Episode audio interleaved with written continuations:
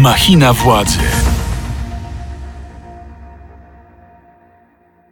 Machina Władzy to podcast Radia Z, w którym staramy się zgłębić meandry świata polityki i życia publicznego, a naszym gościom zadawać takie pytania, których być może nie usłyszeliby w żadnym innym miejscu. Ja nazywam się Mikołaj Pietraszewski i zapraszam na odcinek numer 27, a moim dzisiejszym gościem jest Ryszard Schnepf, dyplomata, były ambasador w Stanach Zjednoczonych, Kostaryce, Urugwaju, Hiszpanii. Chyba wymieniłem wszystkie kraje, w których pan stacjonował. No rzeczywiście, plus jeszcze kraje dodatkowej akredytacji, jak to się nazywa. W Ameryce A. Środkowej to jest aż 8 krajów.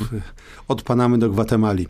No ale w skrócie można by powiedzieć dokładnie tak, jak pan to określił. Tak, y, jeden z tych y, krajów, y, myślę tu oczywiście o Stanach Zjednoczonych, będzie odgrywał istotną rolę dzisiaj w naszej rozmowie, ale zaczniemy jednak od tragicznych doniesień ze wschodu. Wszyscy jesteśmy poruszeni tym, co się wydarzyło w obwodzie kijowskim, gdzie odnaleziono setki czy nawet tysiące ciał martwych y, cywili. Teraz atak na dworzec kolejowy w Kramatorsku, gdzie zginęło prawie 40 osób. Według aktualnych ustaleń około 100 osób y, jest rannych. Wśród ofiar są również dzieci. Znaczy to niekoniecznie musi być koniec, chociaż już w tej chwili czujemy przerażenie. Ja szczerze mówiąc nie znajduję słów powiedzieć ludobójstwo, to jakby mało, bo to słowo e, nie ujmuje chyba wszystkiego, jakiejś zaciętości, jakiegoś okrucieństwa w tym wszystkim. Oglądam zdjęcia, oglądam E, nagrania e, z terenu Ukrainy i muszę powiedzieć, że jestem bardzo tym przybity. Wychodzimy, tak się wydaje, przynajmniej z pandemii, weszliśmy w czas wojny, jakieś zmiany w świecie, które nie do końca rozumiemy,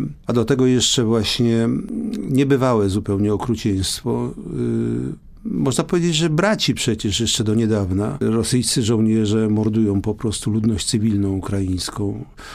Jeżeli taki plan jest rzeczywiście, żeby zniszczyć po prostu naród ukraiński. Gdzieś e, w chorym myśle kogoś coś takiego mogło się urodzić, to powinniśmy zmienić podejście. Rzeczywiście będzie wymagało to wówczas gwałtowniejszej, mocniejszej reakcji, ale i ryzyka z jakim się to wiąże. Możemy obserwować w świecie zachodnim pewnego rodzaju zmianę paradygmatu, jeśli chodzi o podejście do Rosji. To chyba się tyczy najbardziej Niemiec, które z Rosją miały dotychczas dość silne więzi, przede wszystkim gospodarcze. Tu mam na myśli import surowców energetycznych. Zresztą to nie jest y, kasus tylko Niemiec, po prostu Niemcy miały te relacje ekonomiczne najsilniejsze, a tutaj widać, że to się zmienia. Ostatnia wypowiedź prezydenta Niemiec, Franka Waltera Steinmeiera, który wprost bije się w piersi, że jego podejście takie pozytywne dotyczące właśnie nadziei na dialog z Rosją było absolutnie naiwne. Przeprosił również za to, że popierał Nord Stream 2, czyli gazociąg, który miał płynąć przez Bałtyk z pominięciem Polski. Dziś wiemy, że on już nie popłynie w tej sytuacji, natomiast trzeba było wojny, żeby Niemcy się z tego projektu wycofały i żeby rzeczywiście zmieniły swoje całościowe podejście wobec Rosji. No mówi się, że nadzieja umiera ostatnia, więc ja w jakimś sensie rozumiem też Niemców. E, Niemcy prowadziły e, politykę gospodarczą, która była dla nich korzystna. E, być może również dla niektórych krajów europejskich. Dla nas zdecydowanie nie.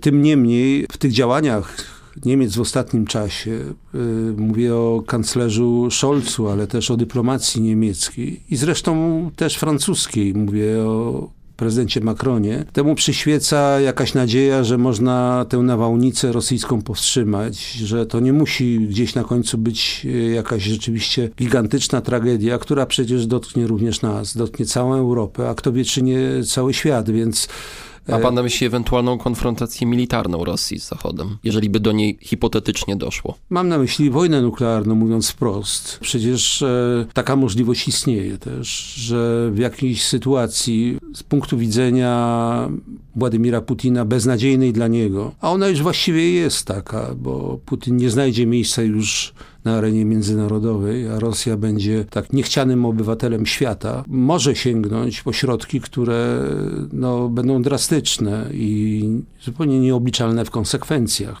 To zjawisko zagonienia do narożnika jest znane w świecie, znane w historii, więc e, z taką perspektywą też należy się liczyć i rozumiem, że Francji, prezydentowi Macronowi i kanclerzowi Scholzowi przyświecała ta idea, żeby na jakimś etapie powstrzymać e, zapędy rosyjskie. Ta nadzieja zawsze gdzieś tam jest, że będzie dyplomatyczne rozwiązanie, bo nie, jeśli nie dyplomatyczne, to jakie w takim razie? Militarne, to znaczy, że dojdzie do wymiany ostrzałów, można powiedzieć, rakiet wyposażonych w głowicę nuklearną. To przecież pamiętajmy o tym, że zawsze jakieś rakiety gdzieś spadną a skutki mogą być katastrofalne dla, dla nas wszystkich. Czyli pan tutaj broni tej e, strategii Scholza i Macrona przede wszystkim, którzy spotkali się z Putinem jeszcze w przededniu agresji na Ukrainę. Później Macron wielokrotnie też rozmawiał telefonicznie z Putinem. Się pojawiły pytania, po co? Czy Putin w ogóle cokolwiek sobie z tego robi? Czy w ogóle jakkolwiek dociera do niego komunikat, który serwują mu rozmówcy z Zachodu? Pan jako dyplomata broni jednak tej ścieżki ja, rozwiązywania ja, tak, problemów. Ja, ja bronię tej ścieżki dlatego, że mam wrażenie, że my nie doceniamy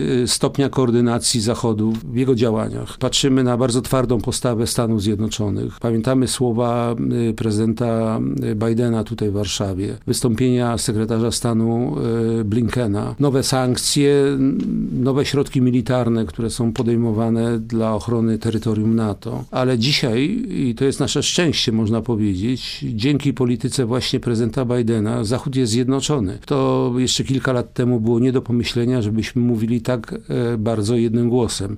I to, że Stany Zjednoczone e, zamknęły e, no, proces negocjacji, rozmów, bo to widać, choćby poprzez słowa prezydenta Bidena, który nazwał Putina mordercą czy rzeźnikiem, to oznacza, że już dalej rozmów nie ma, ale to nie znaczy, że inne kraje europejskie nie mają misji pozostania tym kanałem komunikacji. Moje pytanie jest, jeżeli nie, jeżeli gdzieś jakieś porozumienie nie zostanie wypracowane, to co będzie? To znaczy, że e, Rosja zaatakuje nas, my zaatakujemy Rosję. Jaki będzie dalszy ciąg e, wydarzeń? Nie chciałbym tutaj straszyć naszych słuchaczy, ale tam nie ma dobrego scenariusza wówczas, więc e, ja wierzę w to, że fiasko rosyjskiej inwazji, bo przewiduję, że ta inwazja i potrwa dłużej i będzie klęską e, zamysłu Putina, że ona doprowadzi do momentu, w którym e, strony osiągną jakieś porozumienie. To będzie bardzo trudne dla Putina, ponieważ będzie chciał pokazać z całą pewnością, że tę rozgrywkę wygrywa, a to będzie niezwykle trudno udowodnić, ale będzie też bardzo trudne dla, a może nawet trudniejsze dla prezydenta Zeleńskiego bo każdy kompromis e, jest w jakimś stopniu zgniły też. To znaczy trzeba z czegoś ustąpić, a przecież no, te obrazy chociażby, które widzimy, powodują radykalizację oczywiście nastrojów. E, Tym bardziej, że prezydent Załański też zapunktował u społeczeństwa ukraińskiego na przykład tym, że odmówił propozycji Amerykanów, którzy proponowali mu, że ułatwią mu ucieczkę z kraju. On postanowił zostać w Kijowie. No to byłby koniec e, prezydenta Żeleńskiego. On świetnie, świetnie o tym wiedział. Można powiedzieć, że jest jest skazany na historię, na bycie bohaterem. Ilekroć, i, cokolwiek by to go nie kosztowało, bo podejrzewam, że ten koszt jest ogromny. I na dodatek wizja wyjścia z tego kryzysu, z, tego, z tej katastrofy jest bardzo mglista. Bo wyobraźmy sobie, że nawet jeżeli Ukraina zrezygnuje, to jest zapowiadane, z aktywnej obecności wojsk obcych czy przynależności do NATO, wyobraźmy sobie ogłoszenie neutralności, na co strona ukraińska najwyraźniej gotowa jest zgodzić się. To jeszcze jest ileś tam innych problemów, które y, trzeba rozwiązać. To jest y, kwestia y, Doniecka i Ługańska i statusu tych terytoriów. To jest kwestia Krymu, to jest kwestia statusu języka rosyjskiego w Ukrainie. O ile wiem, strona rosyjska bardzo mocno naciska na to, żeby ten język pozostał no, jakby drugim urzędowym językiem. I wreszcie teraz osądzenia sprawców zbrodni co wydaje się e, zupełnie nieprawdopodobne, bo przecież głównym sprawcą, tym dysponentem naczelnym i jakby na to nie patrzeć, jako prezydent człowiekiem odpowiedzialnym za to, co się dzieje w Ukrainie, jest oczywiście Władimir Putin. I trudno go sobie w tym momencie technicznie wyobrazić jako oskarżonego na przykład przed Trybunałem w Hadze, jak Miloszewicia po 99 roku. Trudno sobie to wyobrazić, choć to jest możliwe w sytuacji, jeżeli dojdzie do zmiany w samej Rosji. To znaczy, jeżeli kręgi, które dostrzegają tę katastrofę dla Rosji, która się w tej chwili dzieje, bo to jest dla nich katastrofa i tam nie ma przyszłości. Jeżeli zdecydują się na to, żeby mm, przejąć władzę, ale można powiedzieć, że w Rosji nie ma mechanizmów przejmowania władzy. One były nawet jeszcze w starym Związku Radzieckim. To było to biuro polityczne, to był komitet centralny partii, który decydował, podejmował kolegialne decyzje, tam była gra sił jakaś. W tej chwili e, Putin jest jednowładcą. E, prawdopodobnie e, utrzymuje silną kontrolę nad armią. Jest też, mówię prawdopodobnie, najbardziej strzeżonym człowiekiem na świecie. Nie miejmy co do tego wątpliwości. Więc obalenie Putina, zmiana władzy w Rosji i w związku z tym no, powrót Rosji do jakichś rozsądnych zrównoważonych rozmów jest bardzo trudno wyobrażalny, więc tu nie widać na razie żadnego światełka w moim e, rozumieniu, a to z kolei powoduje, że cały świat no, zmienia swoje oblicze w relacjach międzynarodowych. Właściwie nie wiemy jeszcze, jakie one będą, ale e, zmarginalizowanie, prawdopodobnie taki los czeka Rosję, tak dużego kraju, kraju posiadającego broń nuklearną i ogromne zasoby, można powiedzieć, że zdestabilizuje nie tylko w sensie militarnym świat, ale także gospodarczym. Y, Rosja i zresztą Ukraina też to są producenci ważni żywności na przykład. Tak, przecież Ukraina słynie z, ze znakomitych gleb. Produkcji y, zbożowej i innych y, roślin, które są, stanowią dosyć poważny procent no, ogólnego handlu żywnością, surowców żywnościowych raczej. To jest też destabilizacja na rynku paliw, generalnie surowców energetycznych. Aczkolwiek tutaj już widać, że Zachód próbuje sobie jakoś z tym radzić. Nawet Stany Zjednoczone musiały zagryźć zęby i spróbować nawiązać relacje, czy to z Iranem, czy z Wenezuelą, które również mają dość szerokie zasoby tak. paliw, surowców energetycznych. No pytanie, czy jest możliwe w ogóle uniezależnienie się od Rosji, a jeżeli tak, to w jakim tempie, w jakim czasie? No bo o tym się już mówi, że Unia Europejska też chce rozpocząć ten proces uniezależnienia się od zaopatrywania w surowce energetyczne właśnie w Rosji. No tak, ale pamiętajmy o tym, y, tak pewnie nastąpi zresztą, świat zmierza w kierunku y, bardziej y, ekologicznej gospodarki, więc to wymusi też postęp, jeśli chodzi o energię odnawialną. Tym niemniej przez szereg następnych lat możemy mieć sytuację szalonej zupełnie zwyżki cen surowców energetycznych zanim one zostaną zastąpione innymi e, źródłami e, ropy naftowej, gazu przede wszystkim, ale też węgla. Ale być może to jest cena, którą należy zapłacić, chociaż już widać, że niektórzy tutaj w samych Niemczech przecież są dylematy, czy, czy pozwolić na to, żeby całkowicie zakazać importu. Tak, to prawda, aczkolwiek my lubimy posługiwać się przykładem niemieckim, a jakoś rzadziej posługujemy się naszym własnym przykładem, a przecież jesteśmy też importerem węgla rosyjskiego. Jednym z większych. Jednym z większych, a jeszcze większym importerem ropy naftowej e, z Rosji. Z gazem chyba jest najłatwiej, bo tutaj widać pewną perspektywę. Coś zostało zbudowane. Są też tak zwane rewersy, czyli można korzystać też z innych zasobów. E, Europa jest powiązana e, siecią połączeń gazowych, więc tutaj rozwiązania pewnie będą i szybsze, i bardziej skuteczne, ale nie miejmy też złudzeń, że to się odbije na rynku energetycznym, a w związku z tym przecież wszystko, co nas otacza, z czego korzystamy, opiera się na energii. To jest e, wzrost kosztów transportu, to jest wzrost indywidualnych, nie tylko przemysłowych kosztów zużycia energii, gazu przede wszystkim. No chociażby pewnie na, na co dzień nie myślimy o, nie myślimy o y, nawozach sztucznych, a przecież one y, są oparte na gazie przede wszystkim.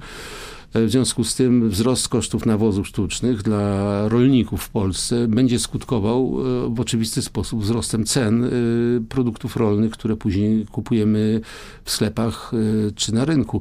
Więc to może być fala, która bardzo głęboko nas dotknie ale powiedziałbym, że to jest kwestia wtórna w stosunku do kwestii bezpieczeństwa który jest podstawową w ogóle. No najpierw trzeba przeżyć ten trudny okres, trzeba wyciszyć te zagrożenia, które są, a one są niezwykle y, niebezpieczne. I mam wrażenie, że tutaj mm, nie robimy wystarczająco wiele. Słuchasz podcastu Radia Z. Jak już mówimy o zagrożeniach, to przejdźmy teraz do, tak jak wspominałem na początku rozmowy, jednego z państw, w którym pan przecież stacjonował jako, jako przedstawiciel dyplomatyczny Polski, czyli do Stanów Zjednoczonych. Chciałbym tutaj zacytować fragment wystąpienia Joe Bidena, który 26 marca przemawiał na Placu Zamkowym w Warszawie. Powiedział tak: W bitwie, która trwa teraz, nie wygramy w ciągu dni ani miesięcy. Musimy przygotować się na długą walkę. Jak długa Pana zdaniem będzie ta walka? Ja mam wrażenie, Czy w ogóle że... jest szansa by ocenić, oszacować perspektywę czasową tej wojny? No właśnie, czym jest ta wojna? Po pierwsze, trzeba sobie odpowiedzieć na pytanie, o czym mówił e, prezydent Biden. Ja mam takie wrażenie, że w części, wśród części publiczności polskiej mm, zapanowało pewne rozczarowanie. E, było takie oczekiwanie, że prezydent Biden powie, rozmieścimy nowe jednostki wojskowe, Polska dostanie, czy zakupi, czy będzie wyposażona w jakieś nowe urządzenia, które będą nas broniły przed potencjalnym atakiem, a tymczasem e, prezydent Biden mówił o globalnej sytuacji to przemówienie nie było skierowane bezpośrednio do nas. Są takie przemówienia, które mają charakter globalny. To było przemówienie e, globalne.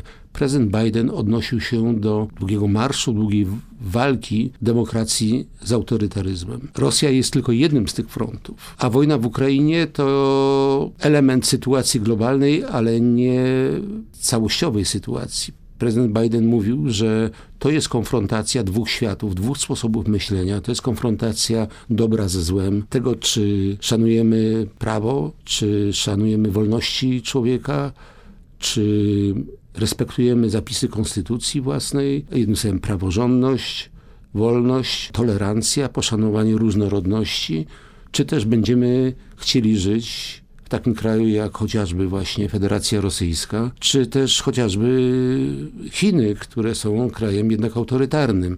Takich krajów jest więcej. Nie ma wątpliwości co do tego, że Iran też nie jest krajem demokratycznym, czy Wenezuela też nie jest krajem demokratycznym, chociaż nie stanowią bezpośredniego zagrożenia militarnego dla Europy, czy dla Zachodu generalnie rzecz biorąc. Prezydent Biden odnosił się do długiej drogi, do tej wojny, którą on de facto tutaj w Warszawie wypowiedział systemom autorytarnym nie tylko Rosji w tej wojnie, którą toczy Putin z Ukrainą, ale starcia dwóch cywilizacji, a my, jak rozumiem, chcemy być w tej cywilizacji dobra, czyli demokracji i jesteśmy po tej stronie. No tak, ale wspomniał pan słowo praworządność, które było przez ostatnie lata odmieniane w Polsce przez wszystkie możliwe przypadki. W jaki sposób pan postrzega obecne relacje polsko-amerykańskie, w tym sensie, że Polska i Stany Zjednoczone muszą współpracować, no bo Polska jest przede wszystkim krajem, który jest wschodnią flanką NATO, który również jest największym hubem, jeśli chodzi o e, przyjmowanie uchodźców z Ukrainy, natomiast nie sądzę, żeby Amerykanie zapomnieli e, rządowi kilka spraw z przeszłości, tak bym to ujął eufemistycznie. No spraw, a nawet nie, nie, nie taktów, które tak. E, były popełnione, bo przecież... I, I chodzi o, na pewno i o sprawę Lex TVN, ale też oczywiście o to, że Andrzej Duda nie pogratulował Joe Bidenowi w, w taki sposób, w jaki by tego oczekiwano. Chyba więcej ja bym powiedział, że rząd polski angażował się w kampanię wyborczą e, prezydenta Trumpa. Na pewno media publiczne. Media i, i władza, i przedstawiciele rządu czy, czy partii rządzącej, e, to było wyraźne. To nie zostało z całą pewnością zapomniane, ale Ameryka jest pragmatyczna. Dzisiaj frontem numer jeden jest e, wojna Rosji przeciwko Ukrainie i agresja, którą trzeba powstrzymać. Polska jest ważnym frontowym krajem. E, jesteśmy najwięksi w tym regionie. No, mamy długą granicę. Przyjęliśmy, przyjmujemy miliony uchodźców, choć nie robi tego aż tak sprawnie rząd, ile obywatele po prostu, społeczeństwo obywatelskie, organizacje pozarządowe i, i, i samorządy lokalne przede wszystkim. Nie ma jakiejś platformy, jakiegoś działania, e, schematu, który można było stworzyć, zaczynając od listopada chociażby ubiegłego roku, kiedy takie zagrożenie było sygnalizowane.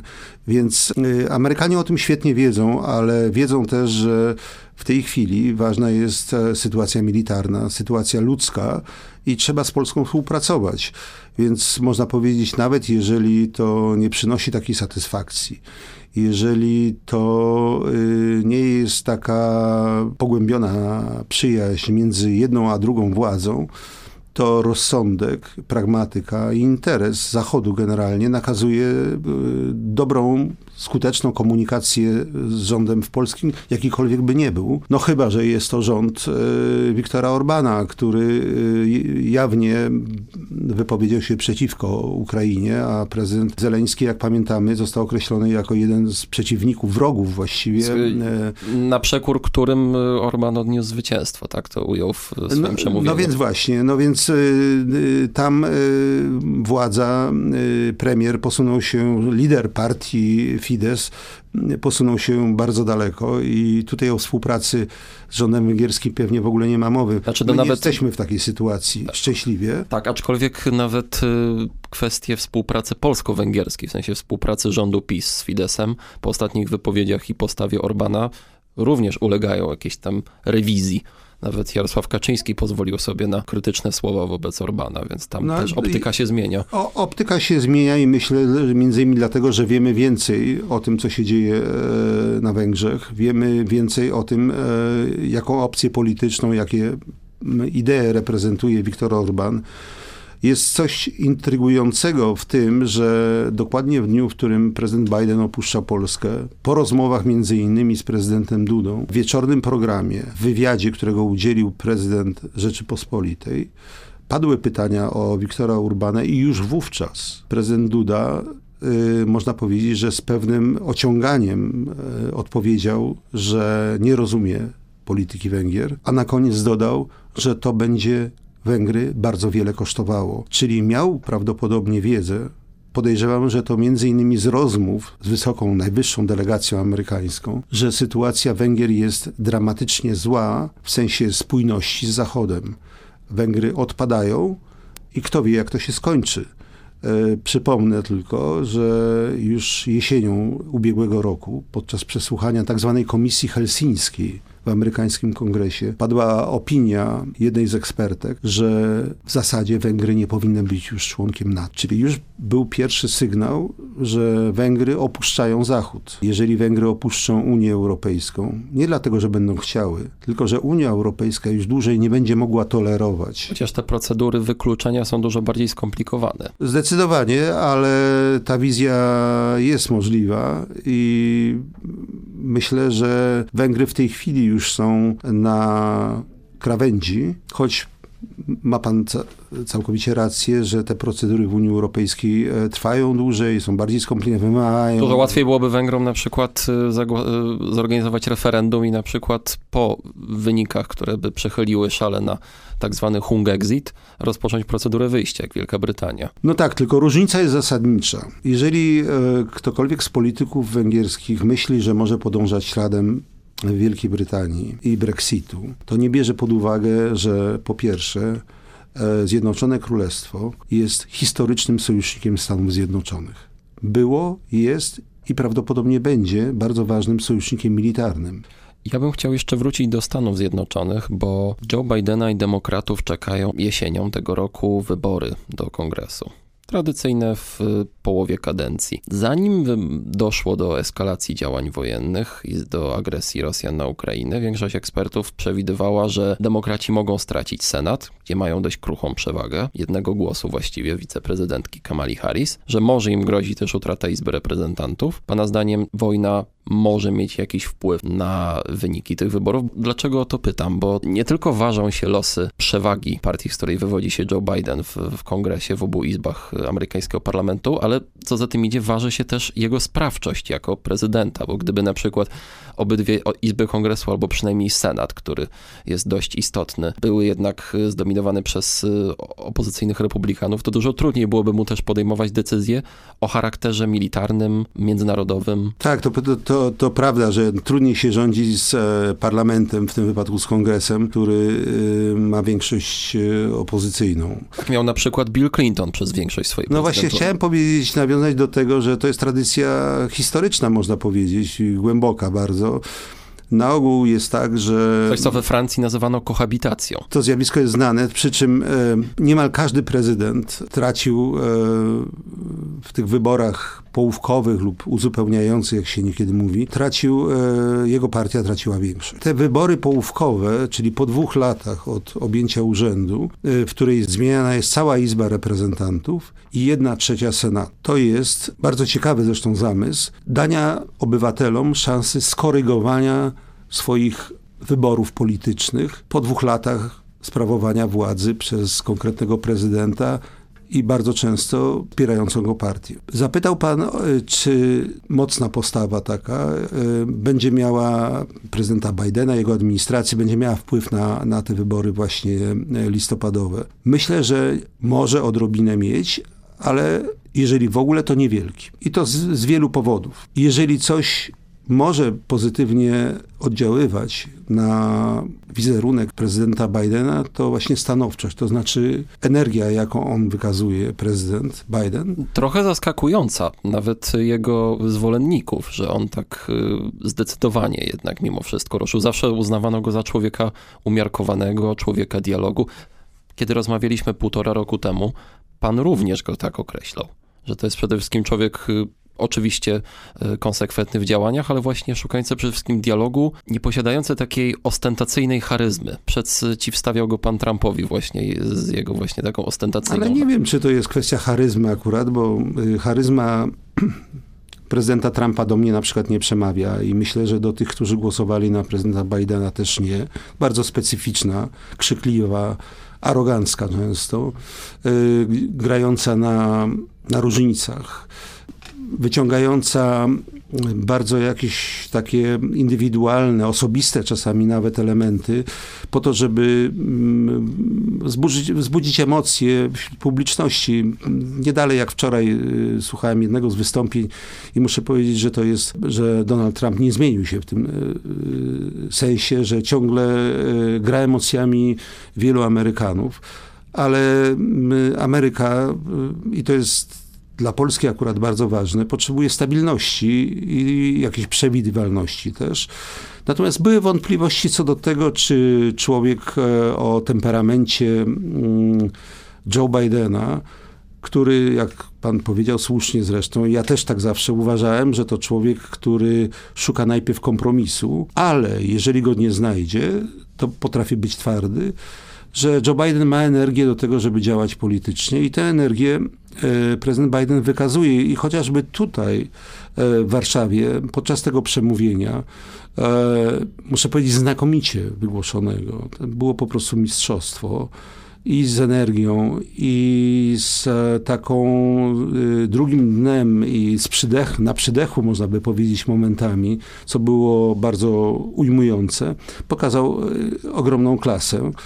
Natomiast y, społeczeństwo amerykańskie, wyborcy amerykańscy zwracają przede wszystkim uwagę na swoje własne sprawy i to jest przede wszystkim gospodarka oczywiście. To są takie tematy, które dla, dla nas tu w Polsce, y, one nie, w ogóle nie istnieją. Żeby wymienić taki przykład, w tej chwili trwa batalia o to, co zrobić z długami studentów. Tak, Coś... bo, bo, my mamy publiczną przecież, edukację publiczną, szkolnictwo większości, wyższe, w większości. większości więc... Y, na ogół y, ci, którzy y, korzystają z edukacji w prywatnych uczelniach, mogą sobie na to pozwolić, nie zaciągają długów. Ogromna, ogromna większość młodych ludzi w Stanach Zjednoczonych zaciąga dług e, studencki, który musi sama spłacać, czyli później przez następne 20 lat pracują po to, żeby spłacić e, te kredyty, jakie zaciągnęli, opłacają czesne E, uniwersyteckie, to są wysokie sumy. I teraz batalia o to, aby w związku z pandemią między innymi, kryzysem gospodarczym i inflacją też w Stanach Zjednoczonych, która jest dość wysoka, y, żeby y, coś z tym zrobić, bo to po prostu ogranicza mobilność ludzi, możliwość podejmowania pracy. Oni są skazani na przywiązanie do miejsca pracy, żeby cokolwiek zarabiać, e, niezależnie od własnego wyboru, od czasami własnych możliwości, szans ponieważ są związani y, no, zobowiązaniami finansowymi, które są bardzo poważne. Ale czyli pan sugeruje, że tego typu tematy, czyli takie bardziej przyziemne, prozaiczne, dotykające człowieka bezpośrednio, a niekoniecznie wojna, która się dzieje na drugim końcu, na drugim brzegu oceanu, będą miały wpływ na wynik wyborów, przesądzą o nich na korzyść bądź na niekorzyść Bidena i demokratów. Zdecydowanie tak. A to pan stawia, że uda się demokratom obronić ten kongres, czy... O, to, to yy, raczej... Pamię pamiętamy poprzednie wybory sprzed dwóch lat, sprzed półtora roku właściwie, gdzie losy właśnie na przykład Senatu ważyły się do ostatniej chwili.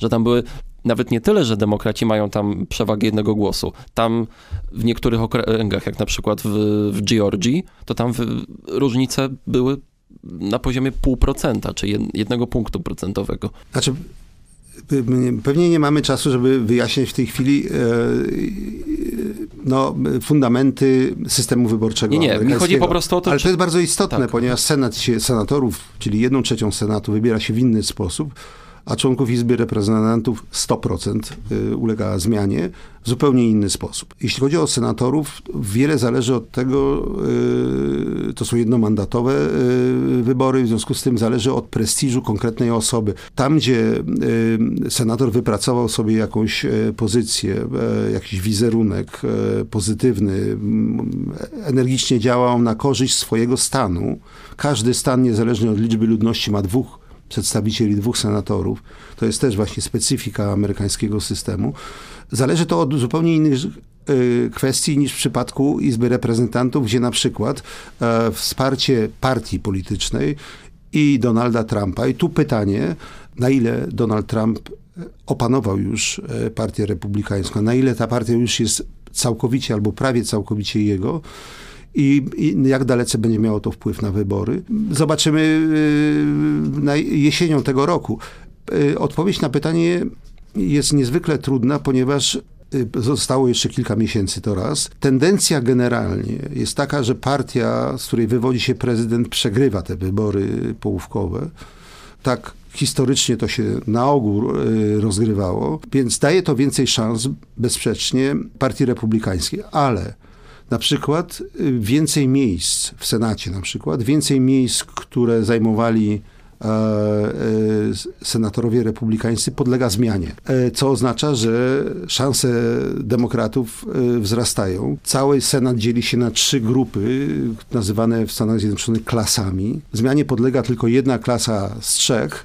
W tym roku większość tych miejsc, które będą podlegały wyborom, jest zajmowana przez senatorów republikańskich, a nie demokratycznych. Co oznacza, że tutaj te szanse demokratów są nieco większe. To jest arytmetyka. Y, Amerykanie kochają w ogóle mierzyć wszystko, włącznie z e, ilością kroków oddanych przez e, koszykarza czy, czy, czy bejsbolistę, prędkość piłki i tak dalej, dzielone, mierzone. To jest wszystko, statystyki są niezwykle ważne.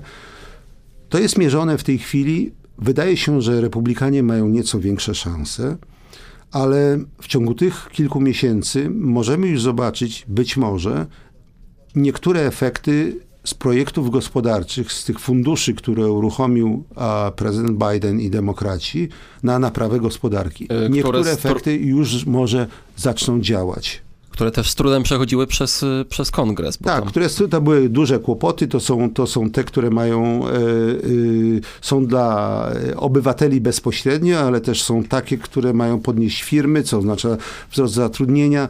E, gospodarka amerykańska w zasadzie dosyć przyzwoicie się odbija od, od dna, ale jednocześnie inflacja niszczy skutki, e, skutki właśnie e, e, rozwoju, bo obywatele to, co zdobędą, to później inflacja konsumuje, krótko mówiąc.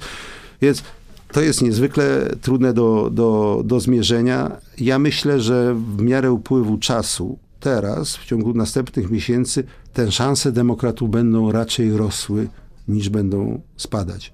Ale nie musi to mieć później potwierdzenia w rzeczywistości. Słuchasz podcastu Radia Z. Muszę zapytać jeszcze o jedną rzecz, bo to nazwisko pojawiło się w naszej rozmowie, gdy mówiliśmy o tak zwanej krzykliwej charyzmie. Wyobraża pan sobie alternatywną historię, w której to Donald Trump w czasie wojny w Ukrainie byłby prezydentem Stanów Zjednoczonych? Tak, mam to żywo przed oczami. I co Moja pan widzi? wyobraźnia. Po pierwsze, zapamiętałem konferencję prasową w Helsinkach, na której obaj liderzy jeszcze wówczas w pełnej zgodzie niemalże, można powiedzieć, że nawet lubili się, czyli Władimir Putin i Donald Trump, jedli sobie z ręki, a właściwie bardziej Donald Trump ulegał doświadczeniu y, Władimira Putina. Więc jestem w stanie sobie wyobrazić, że Donald Trump doszedłby do porozumienia z Putinem. Prawdopodobnie w tym porozumieniu byłyby również Chiny, czyli prezydent Xi. Doszłoby na naszych oczach do nowego koncertu mocarstw, w którym trzy wielkie mocarstwa ustaliłyby między sobą, być może w porozumieniu, które nie byłoby jawne, podział stref wpływu. I jestem w stanie sobie wyobrazić, że my, Polska, nie bylibyśmy w strefie wpływów zachodnich, tylko po tej drugiej stronie. Ma pan też y, przekonanie, że, że taki podział y, na strefy wpływów mógłby się odbyć y, nie tylko ponad głowami Polski, ale w ogóle ponad głową Europy? Tak, jestem w stanie sobie to wyobrazić, bo Przypominam sobie bardzo dobrze, jaki był sta stan stosunków e, administracji Donalda Trumpa z Unią Europejską czy z Europą w ogóle. No, Trump był na przykład, mówiąc również bardzo e, eufemistycznie, sceptyczny wobec NATO jako instytucji. Sceptyczny wobec NATO, niezwykle krytyczny i złośliwy wobec Unii Europejskiej. Której w ogóle chyba nie rozumiał działania i sposobu funkcjonowania. Myślę, że wielu Amerykanów nie rozumie. Wielu Amerykanów, przynajmniej z mojego doświadczenia to wynika, rozumie Unię Europejską jako taką e, nieudaną, dosyć śmieszną próbę powielenia modelu amerykańskiego. Stany Zjednoczone Europy. Stany Zjednoczone Europy, no tak, ale przecież to właśnie ma takiego rządu, który by decydował i tak dalej. To nie jest roz, rozpisane jak gdyby szczegółowo i przeciętnemu obywatelowi jest trudno zrozumieć, na czym właściwie Unia Europejska polega i nie jest w stanie w związku z tym skonsumować jak gdyby intelektualnie tego, co Unia Europejska e, w gruncie rzeczy e, swoim członkom daje. Znaczy wyrównanie szans, wyrównanie gospodarcze, która zasila te bogatsze kraje, ale przede wszystkim podnosi standard życiowy i cywilizacyjny krajów, które są uboższe, które mają mniej, mniejsze szanse, swoboda poruszania się, której nie było, e, że my byliśmy, jesteśmy da, dalej Europą narodów, a mimo to możemy się odwiedzać, możemy tam pracować, mamy podstawową opiekę lekarską też, jeżeli pojedziemy do Francji, pojedziemy do do Niemiec czy do Włoch, to należy nam się coś, nasze dzieci mogą chodzić tam do szkoły. Znaczy wolności, które są po prostu y, dla przeciętnego, mówię, Amerykanina, mało, mało czytelne, mało zrozumiane. Ale do tego, na to nałożyło się jeszcze osobiste konflikty um, Donalda Trumpa z niektórymi przywódcami europejskimi w zasadzie poza Borysem Johnsonem, który usiłował jakoś e, grać z Donaldem Trumpem i nami, nie zauważyłem e, liderów europejskich, poważnych krajów europejskich, którzy no, mieliby dobrą komunikację i jakikolwiek wpływ. Bo to nie tylko chodzi o wpływ w jedną stronę, ale wpływ wzajemny, żebyśmy my, czy inne kraje europejskie coś wnosiły do polityki amerykańskiej. Nie, bo trochę jestem przerażony tą wizją, że na przykład Trump mógłby się, e, nie zważając na, na to i Unię Europejską, jakoś dogadać z Chinami i Rosją na tyle, żeby wpędzić nas z powrotem w strefę wpływów Rosji. Ja wiem, że to pewnie pan użył takiego skrótu myślowego, natomiast... E, Oczywiście uprościłem tę, tę, tę wizję, ale y, dlaczego miałoby mu zależeć na tym, żeby Polska była akurat w innej sferze, skoro nie, nie cenił NATO, nie szanował e, Niemiec, nie szanował Francji, nie szanował Włoch, nie szanował Hiszpanii i tak dalej.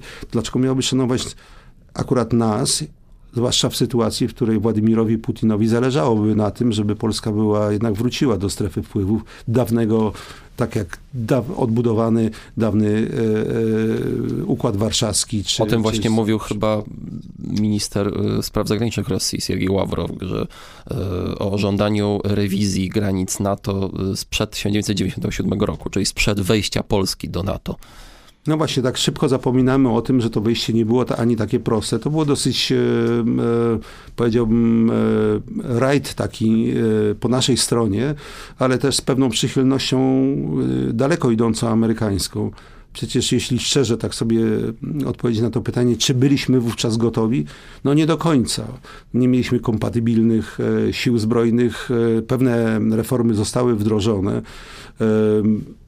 Mieliśmy cywilny nadzór nad armią, co było niezwykle istotne, ale nie byliśmy krajem, który jest zaawansowany. Podobnie zresztą jak Węgry i Czechy, które razem z nami w 1999 roku w kwietniu przystąpiły do NATO. to było trochę awansem, to było, tam był kredyt zaufania pewnego, który... Dla młodych wytworzył. demokracji wychodzących z komunizmu. Tak i na dodatek powiedzmy sobie oparty w jakiejś części na y, osobistym przekonaniu niektórych polityków, niektórych dyplomatów.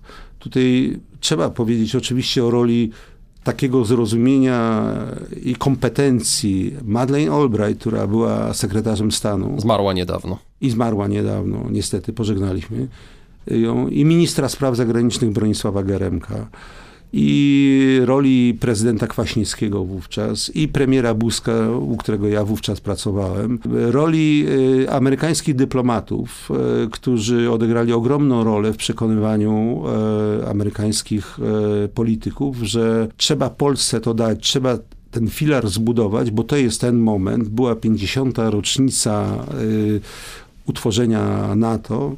Y, i trzeba to uhonorować jakimś nowym otwarciem i że to właśnie my, Czesi i Węgrzy na to zasługujemy. Skorzystaliśmy z tej otwartej przez moment e, furtki, weszliśmy i zadomowiliśmy się, ale miałem wrażenie e, podczas kadencji prezydenta Trumpa, że to nie jest już rozumiane ani doceniane w Stanach Zjednoczonych przez rządzących polityków Miałem też wrażenie, że u nas też nie ma woli pogłębiania współpracy natowskiej, już nie mówiąc o Unii Europejskiej. Nie przyłączaliśmy się do różnych inicjatyw, e, czyli w sensie e, praktycznym e, nie wykonaliśmy wielu zadań po 2015 roku, mimo że werbalnie deklarowaliśmy oczywiście, że jesteśmy absolutnie za NATO, tak jak dzisiaj. Jeżeli miałbym zadać pytanie, wspieramy Ukrainę. A co zrobiliśmy? Co zrobili obywatele, co zrobiły samorządy, co zrobiły organizacje pozarządowe, to widać i to wiemy. Ale co poza tym? Wystrzeliliśmy z inicjatywą przekazania MIGów 29 w taki sposób, żeby to się nie mogło odbyć. Wystrzeliliśmy z inicjatywą pokojowej misji NATO w trakcie działań wojennych e, w Ukrainie, które wiadomo było, że jest nie do zrealizowania, a jak dowiedzieliśmy się nieco później, dla samego prezydenta Zeleńskiego jest nie do przyjęcia, to moje pytanie jest to, co zrobiliśmy. Wiemy, co zrobili Czesi, że dostarczyli to. Ja powiedziałbym, że wiemy nawet za dużo. Nie powinniśmy mówić o tym, co, kiedy, jak, co przekazujemy, a po prostu to zrobić, bo to jest potrzebne, to jest chwila, której należy praktycznie wesprzeć, tak jak zrobili to Brytyjczycy akurat, Kanadyjczycy nawet i wiele innych krajów. Moje pytanie jest, co zrobiliśmy my w sensie praktycznym.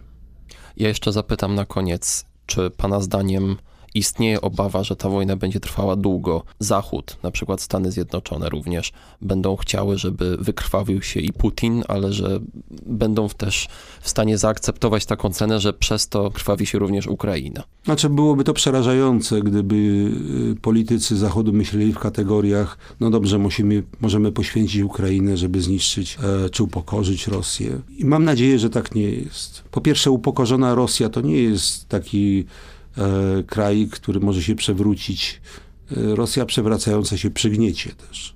Oczywiście mówię w kategoriach symbolicznych wyłącznie. E, nie można, nie wolno nawet myśleć o tym, że to się ma odbyć kosztem życia obywateli Ukrainy, dzieci, bo to takie myślenie po prostu budzi przerażenie i oznaczałoby, że dominuje cyniczna gra polityczna nad wartościami, o których wciąż przecież mówimy. Ja wierzę, że my chcemy spokojnego, zrównoważonego świata. Ukrainie trzeba pomagać, trzeba być przygotowanym na różne scenariusze, które mogą się wydarzyć. To może być przypadek też, to nie musi być intencja.